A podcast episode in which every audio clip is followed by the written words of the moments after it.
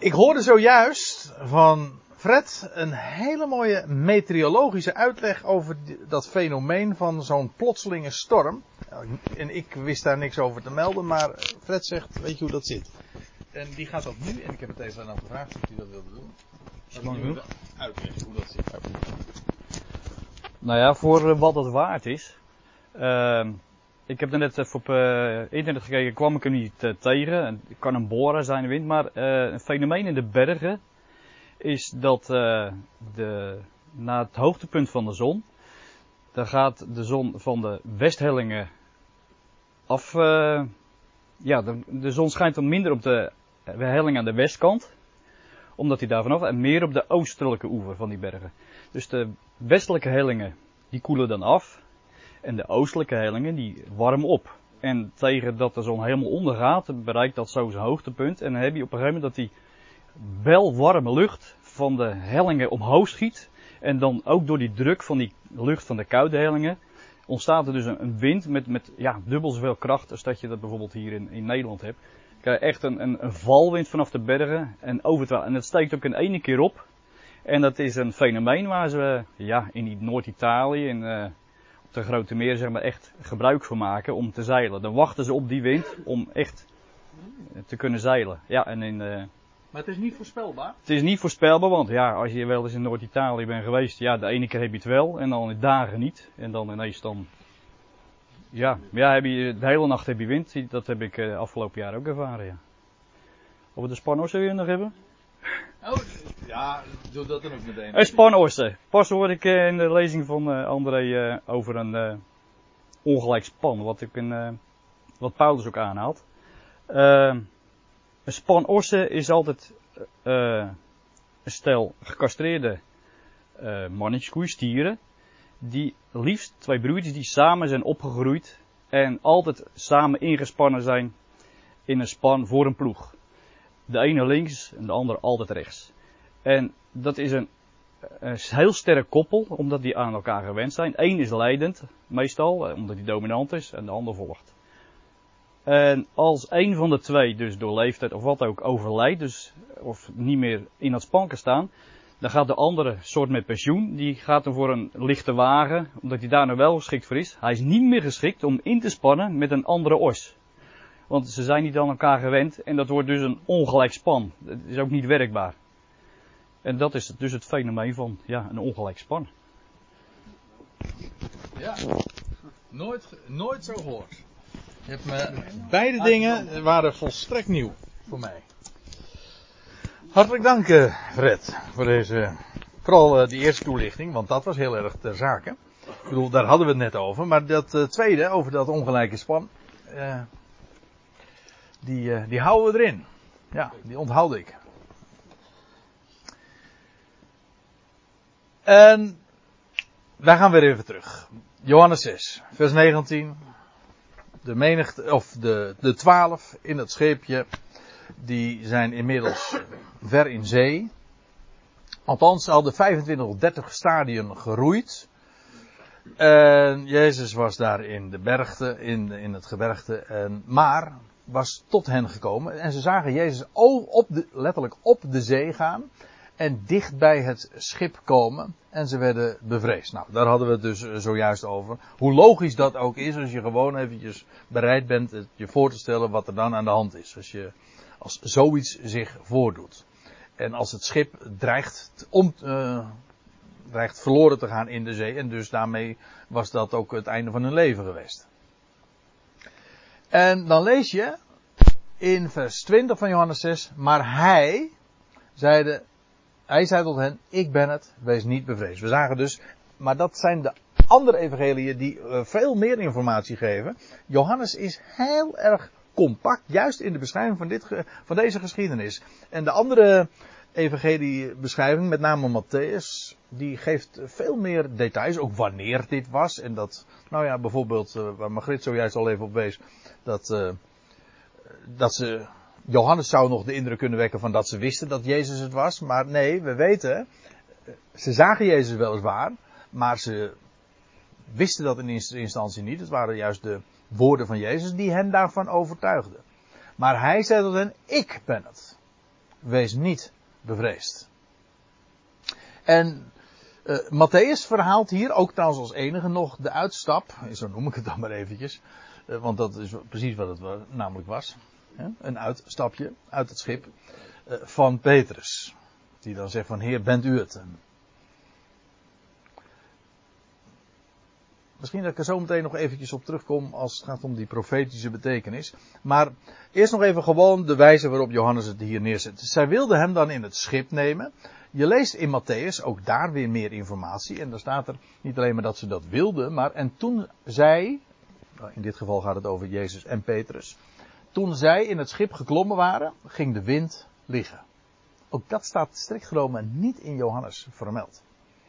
Het wordt gesuggereerd. Nou ja, het is de, de beschrijving is in harmonie ermee, maar Johannes laat bijna alle details weg. Uh, toen zij, ik lees nu even Matthäus dus, en toen zij in het schip geklommen waren, ging de wind liggen. En die in het schip waren, vielen voor hem neer en zeiden, waarlijk, u bent Gods zoon. Dit was zo'n indrukwekkend moment. De wijze waarop Jezus tot hen was gekomen. En dat ze tot deze erkenning ook komen. Mede ook omdat die, eh, die, die zee, die zo enorm onstuimig was, gewoon ter, op dat moment ook helemaal ging liggen. Ja, in de Statenvertaling dan staat het er iets anders. Dan zij hebben hen gewilliglijk in het schip genomen. Daadwerkelijk in het schip genomen. Terwijl je hieruit zou opmaken dat, zijn, dat ze alleen het voornemen hadden. Uh, ja, je bedoelt uit deze beschrijving van Johannes 6. Ja. Dat, dat, zo een uh, staatvertaling het ook weer, ja. Tenminste in die... Uh, uh, ja. Nee, ze wilden. Dan ja, in de, er staat dus letterlijk, zij wilden.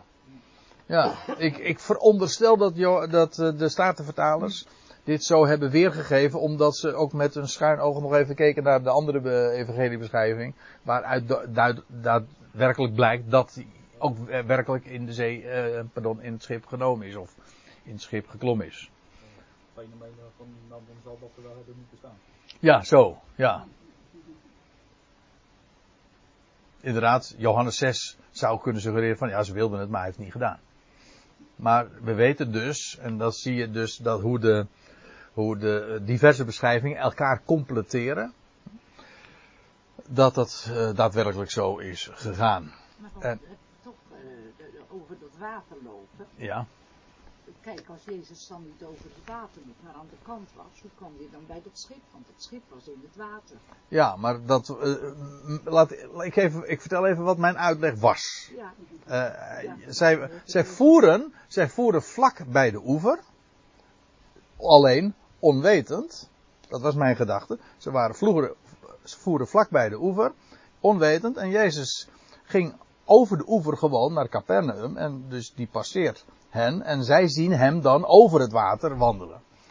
En dat was mijn uitleg. Ja, sorry dat ik nou alsnog mijn foutieve uitleg ga, ga, ga proberen te onderbouwen. Maar ik wil eigenlijk er ook mee zeggen van uh, hoe, uh, hoezeer ik er ook naast zat. Uh, helemaal uit de lucht gegrepen was hij nou ook weer niet. Hè? En, ja. Als je alleen, nogmaals, als je alleen Johannes 6 zou hebben, dan zou je dat inderdaad, uh, zou je dat kunnen zeggen. Maar uh, ja, aangezien werkelijke schriftuitleg, uh, als je de schrift wil verstaan, moet je schrift met schrift vergelijken. En dan blijkt zonneklaar uit Matthäus en Marcus dat, dat hij wel degelijk inderdaad over, op het water tot hen gekomen is. Hoe dat dan ook gegaan zijn, en ik bedoel, we, we verklaren niks. Waarom? Ik bedoel, dat hebben we toch ook niet gedaan bij de, de wonderbare vermenigvuldiging. Ja, hoe is dat gegaan? Ja, dat is onze zorg niet. Laat dat maar aan hem over. Feitelijk uh, een wonderbare vermenigvuldiging uh, maken we zie je in de natuur ook. Alleen dan noemen we het niet meer wonderbaarlijk, omdat we, meestal, omdat we het zo vaak uh, altijd waarnemen. Ik bedoel, als je een zaadje, een gerstekorrel in de aarde gooit, of stopt, hè, en in, uh, in no time heb je een hele, hele, hele velden van gerst, is dat een wonderbare vermenigvuldiging of niet? Nou, dat kan toch niet? Nee. Maar we noemen dat geen wonder, omdat we dit gewoon, dat, omdat we dat wonder altijd zien en aan onze ogen zich voltrekt. Maar is het daarmee minder wonderbaarlijk? Zelf, hè? Hier is het echt een wonderteken natuurlijk. Dat is, uh, het is een hele, het is een, een eenmalige interventie, zeg maar. Ja, wat, wat, dus never nooit plaatsvindt. Ook dat Jezus over het water ging is eenmalig. Maar het heeft ook, en daar kom ik straks op terug, het verwijst ook naar een eenmalig profetisch gebeuren. En dat is wat hier uit, uiteindelijk ook uitgebeeld wordt. Jezus doet dat niet zomaar omdat hij bij de discipelen wilde wezen of zo. Dat had hij ook op een andere manier kunnen regelen. He? Nou, laten we wel wezen. De Heer had toch ook kunnen zeggen van, uh, vanaf de oever of vanaf het gebergte van ik wil dat de wind nu ophoudt of zo. Nee, hij wilde hen iets duidelijk maken, maar vooral, om, het staat opgetekend om ons iets duidelijk te maken.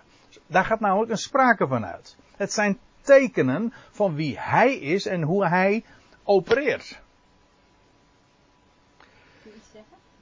Over een wonder, dat eigenlijk wel, uh, kijk, het is eigenlijk toch wel normaal als de zaad ontvient, dat heeft de Heer zo gemaakt. Ja. Dat een wonder spreekt als het echt boven natuurlijk is. Ja. Niet ja. Ja, Dan spreken we meestal van een, van, van een, een bovennatuurlijk wonder. Maar ja, het, het, zijn wat, het zijn wat transparante begrippen. Of eh, begrippen. Nee, transparant. Ik bedoel. ehm, eh, ik bedoel eigenlijk een ander woord. Ik kom er even niet zo snel op. Maar in ieder geval. eh, het, is een, het hangt er een beetje vanaf. Kijk, als je. het, de eigenlijke betekenis van het woord wonder betekent dat je je erover verwondert. We begrijpen het niet. I wonder, hè, zeggen ze het Engels dan. Ik begrijp het niet.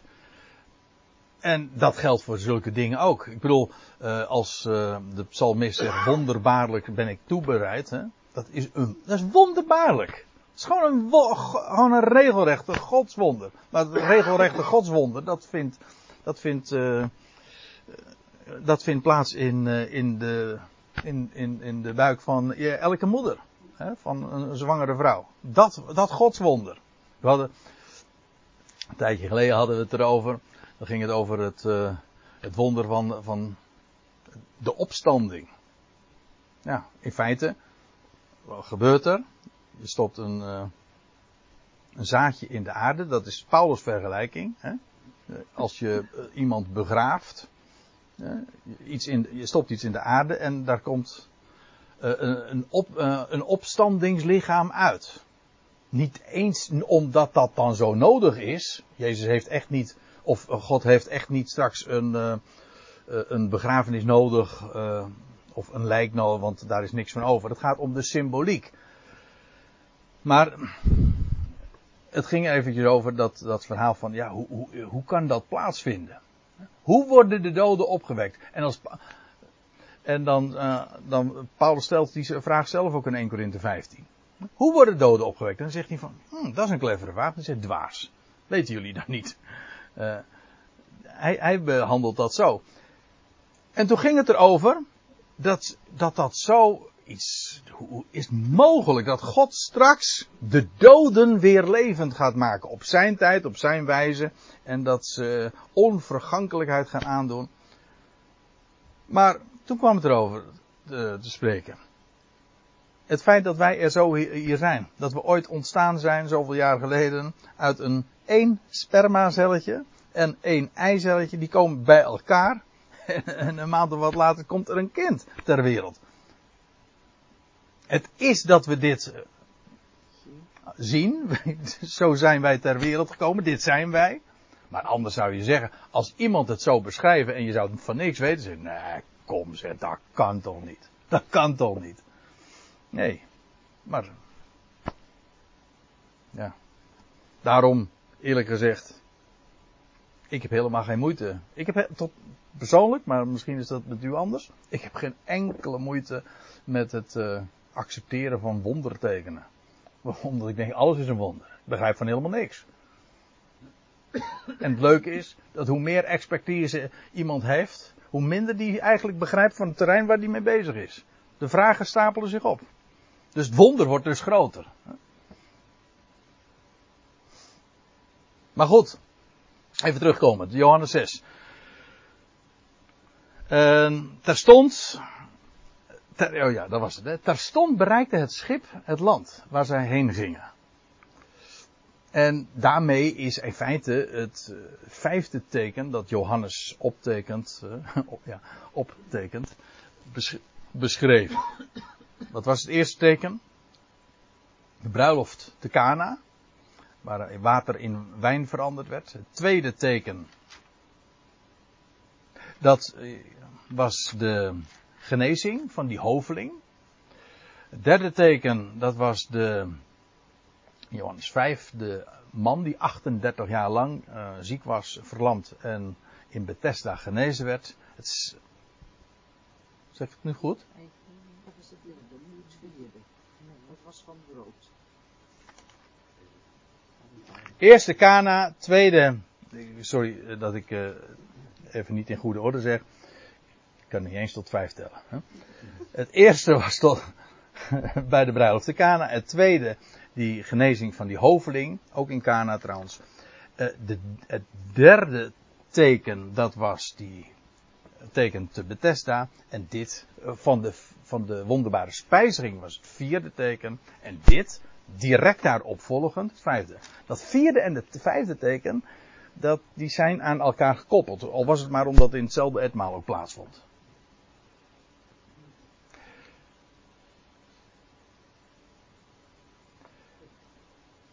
In, ik moet er eigenlijk nog eventjes iets bij zeggen. Je leest in Matthäus ook dat, of al las ik dat al zojuist eventjes voor uit uh, Matthäus 14, dat op het moment dat Jezus het schip ook betreedt en inklimt, dat de, de zee uh, ging liggen, de wind ging liggen en de zee werd geheel rustig.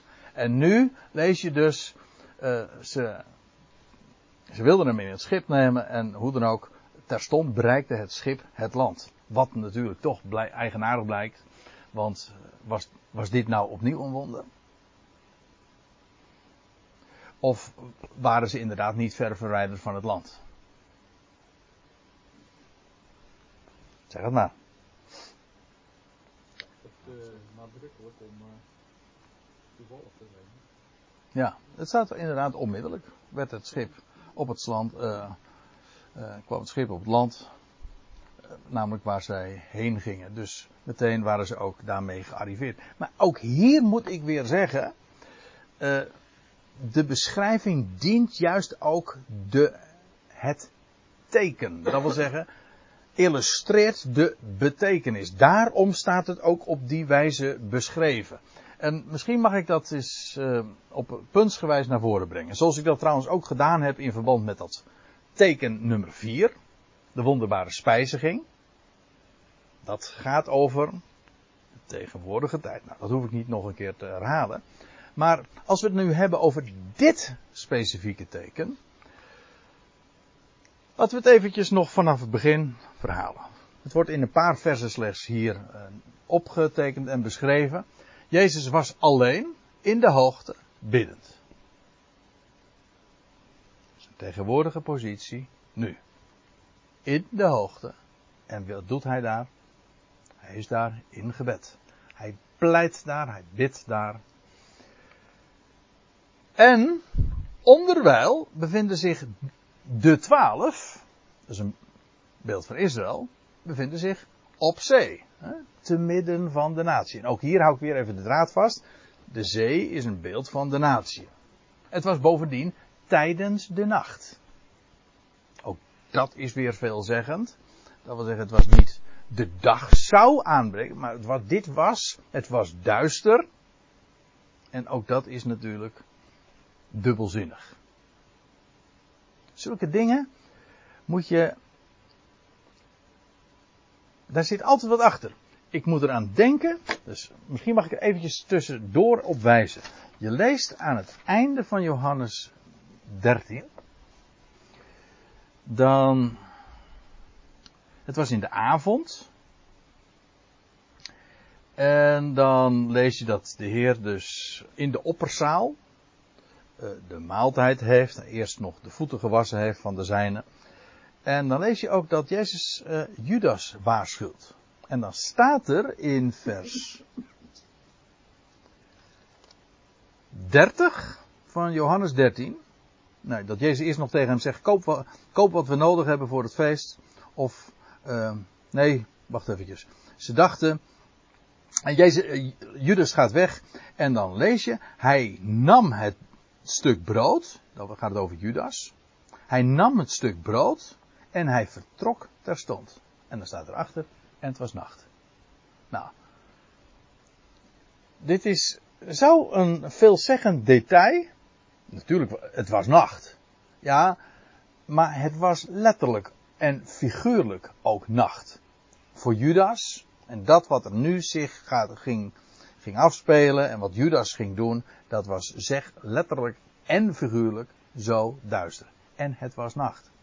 Dus dat is niet zomaar een, een, een feitelijke mededeling gewoon voor het journalistieke verslag. Nee, daar zit juist.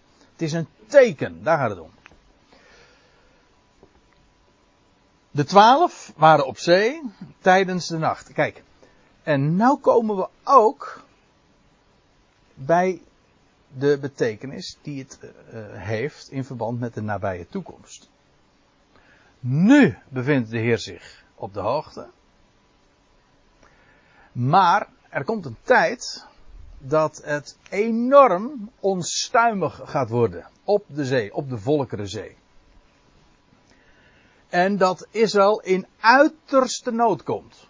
Dat scheepje met die twaalf man, ja, waar zou dat een ander uh, dan een beeld van zijn? Van het volk van Israël.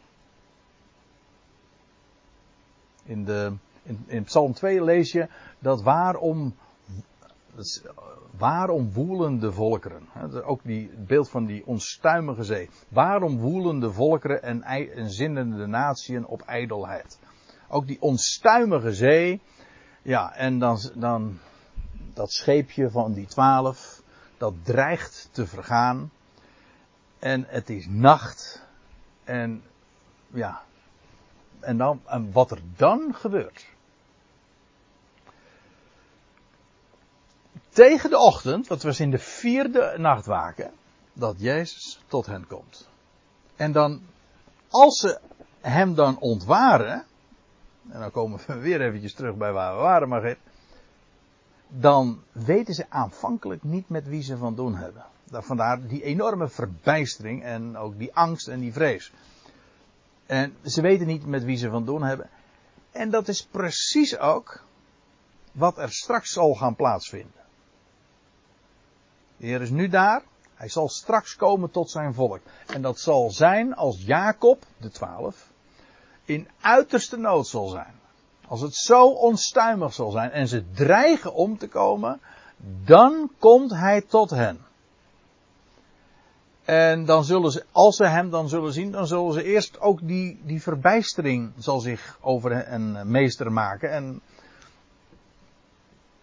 en zij weten niet met wie, zij, uh, met wie zij van doen hebben. Maar dan is het Jezus die zegt, vrees niet.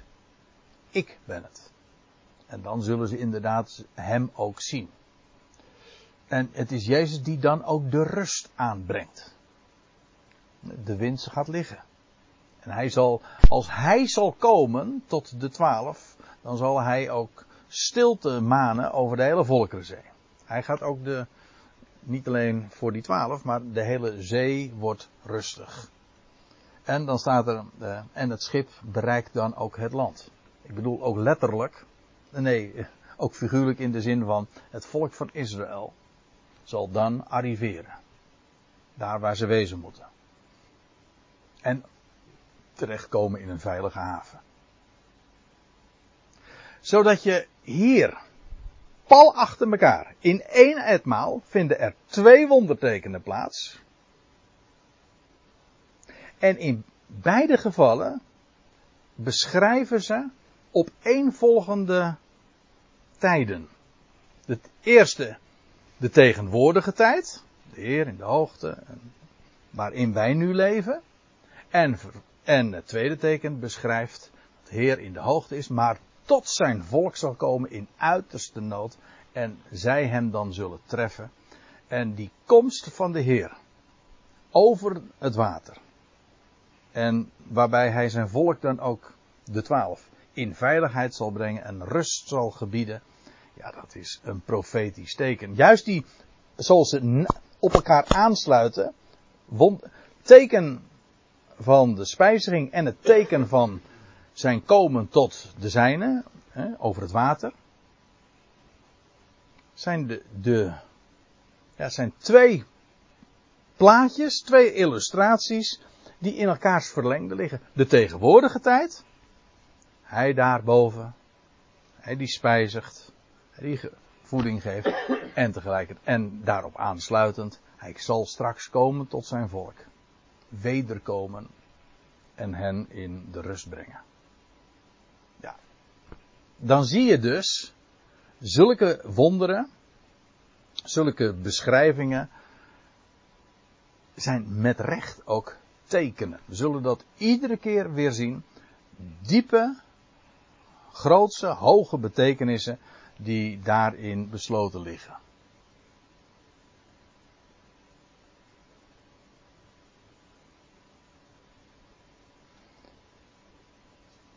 Ja, dan zou je ook natuurlijk nog de vraag kunnen stellen, maar wat, die, wat dat uitstapje van Petrus daarmee van doen heeft.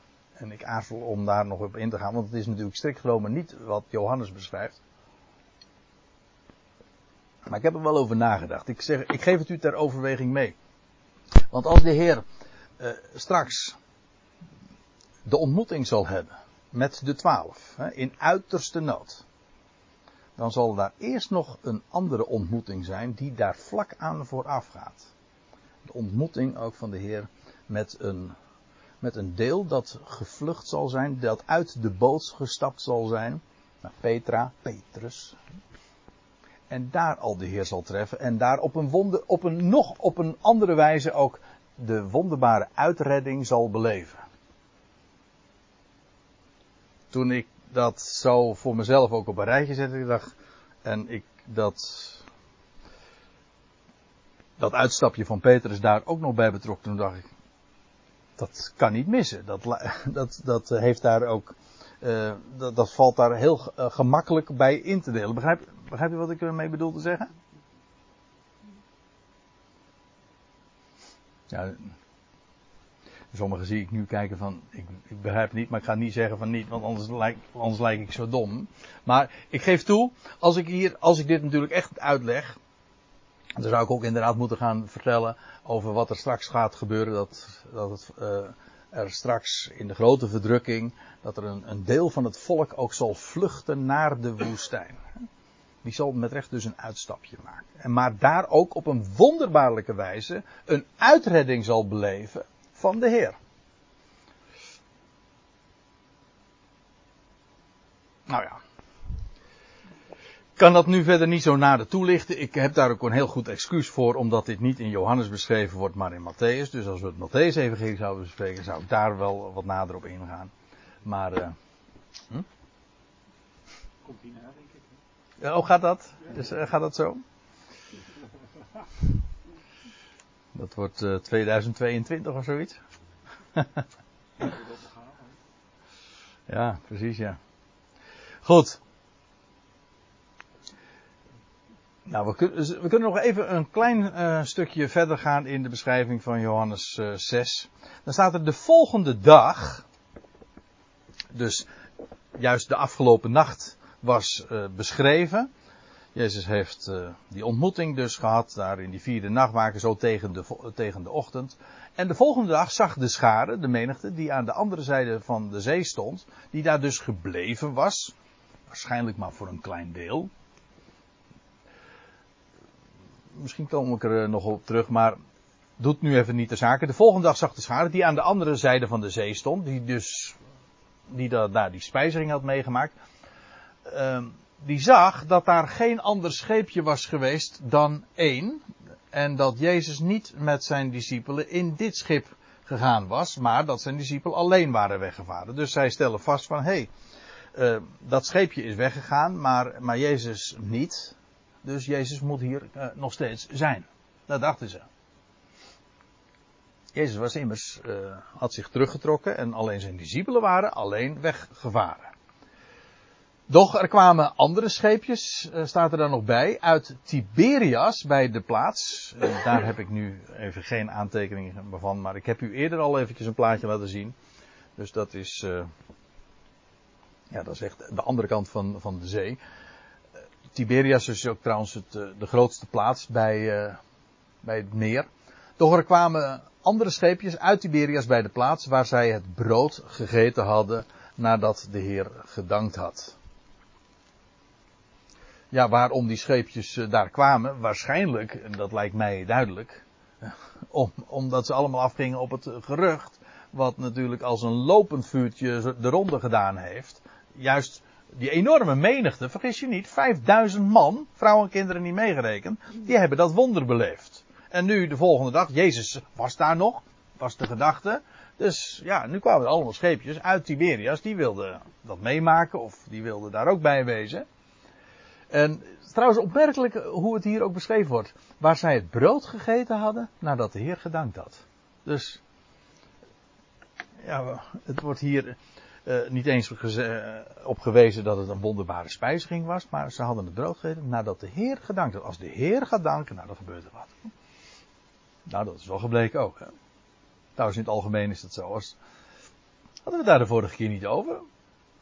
Dat er, eh, dat, eh, dat danken eigenlijk synoniem is met zegenen. Als- je dankt, dat, dat verandert alles. In, de dank, in het dankzegging is de zegen ook besloten. Afijn, eh, waar zij, eh, daar, daar arriveerden die andere scheepjes dus ook. eh, en toen dan de schare zag dat Jezus daar niet was, dat verbaasde. En ook zijn discipelen niet. Dat was niet zo verwonderlijk natuurlijk. Gingen ook zij in de scheepjes en toen kwamen ze te Capernaum, Varnegum en om Jezus te zoeken. Nu gingen ze dus alsnog weer eh, naar eh, de plaats waar Jezus wer- werkelijk was. En toen zij hem aan de overkant van de zee vonden, toen zeiden zij tot hem, Rabbi, wanneer bent u hier gekomen? En Jezus antwoordde hun en zeide, voorwaar, voorwaar, nou, dan weet je het meteen al, hè? Als dat gezegd wordt. Voorwaar, eigenlijk in het Grieks staat daar, amen, amen. Amen, amen. Dat betekent, is, eigenlijk komt dat weer uit het Hebreeuws. Am- Amen is het Hebreeuwse woord voor het is waar, het is zeker. En het heeft trouwens ook weer te maken met het Hebreeuwse woord voor geloven. Maar geloven is ook niks anders dan beamen. U zegt het en ik beaam het. Amen. Dat is het. Maar dat dubbele amen, ja, dat is niet alleen maar een accentuering. Het zegt trouwens ook nog, er zit een, let op, eh, het is dubbel waar, maar het is ook dubbelzinnig. Dubbele bodem. Er zit altijd eh, zoveel meer onder de oppervlakte. Voorwaar, voorwaar, ik zeg jullie. Jullie zoeken mij niet omdat gij tekenen gezien hebt, maar omdat gij van de broden gegeten hebt en verzadigd zijt. Ze hebben weliswaar een. Ze hebben wonderen gezien, maar het teken niet. Dat is trouwens heel opmerkelijk, hè? Hier. Jezus zegt: Jullie zoeken mij nu alleen maar omdat jullie maag gevuld is en dat daar zoiets spectaculairs plaatsvond. Je- Daardoor zijn jullie nu, hebben jullie eh, eerst vanuit Tiberias en dan zijn jullie Bethsaida gekomen en nou weer in Capernaum. Jullie zoeken mij alleen maar daar om die reden. Maar niet omdat jullie de tekenen gezien hebben. Ze hebben het wonder gezien, maar de teken niet. De dat wil zeggen, de betekenis, want dat is wat een teken is. dat is wat een teken is. Die ontging hen. Dat wisten ze niet. Nou, en dan gaat de Heer zeggen waar het wel van spreekt. En dan komen we in vers 27, maar ik stel voor dat we dat zullen parkeren voor de volgende keer, want dat is eigenlijk weer een hele nieuwe, nieuw gedeelte. Want dan begint zijn eigenlijke toespraak. Kan je er iets terug... eh, Ja? er staat, we hadden het net over wanneer dat wonder dan zou gebeuren. Met het breken van het brood. Maar dat staat er dan eigenlijk. Er staat, nou hier ook. Dat wonder vond plaats toen de Heer gedankt had. Ja, er staat niet eens nadat hij gedankt had. Maar, eh, dat waar zij aten, waar zij het brood aten, eh, namelijk dat aan het dankzeggen toebehoorde van de Heer. Ja. In het danken. Ja. Brood van dankzeggen? Hè? Brood van dankzeggen? Dat is het hier. Ja, dat is een eh, uitdrukking uit, eh, ook uit 1 Korinthe. Van, eh, het brood dat wij dankzeggende zegenen. Daar hebben we het de vorige keer ook over gehad. Toen het erover ging dat, dat dankzeggen in de Bijbel gewoon synoniem is met zegenen. Dingen worden gezegend. Ja, hoe? Door dankzegging. Sterker nog, de zegen is de dankzegging. Als het niet gedankt wordt, dan is het geen zegen. En je kunt nog zoveel hebben, maar als je God niet dankt, is het geen zegen. En zelfs de meest negatieve dingen, in dankzegging wordt het een zegen. Dat is een heel wonderlijk fenomeen. Dat is, op zich een wonderlijk fenomeen. Dat dingen dankzeggend gezegend worden.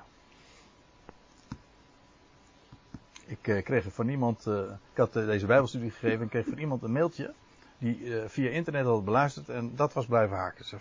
Dat vond ze, ze zo'n eye-opener. Om dat te ontdekken, dat de zegen gelegen is in de dankzegging. Ja, zo is het eh, mij ook ooit vergaan. Zullen we het hierbij laten, vrienden? Dan gaan we de volgende keer verder met eh, vers 27.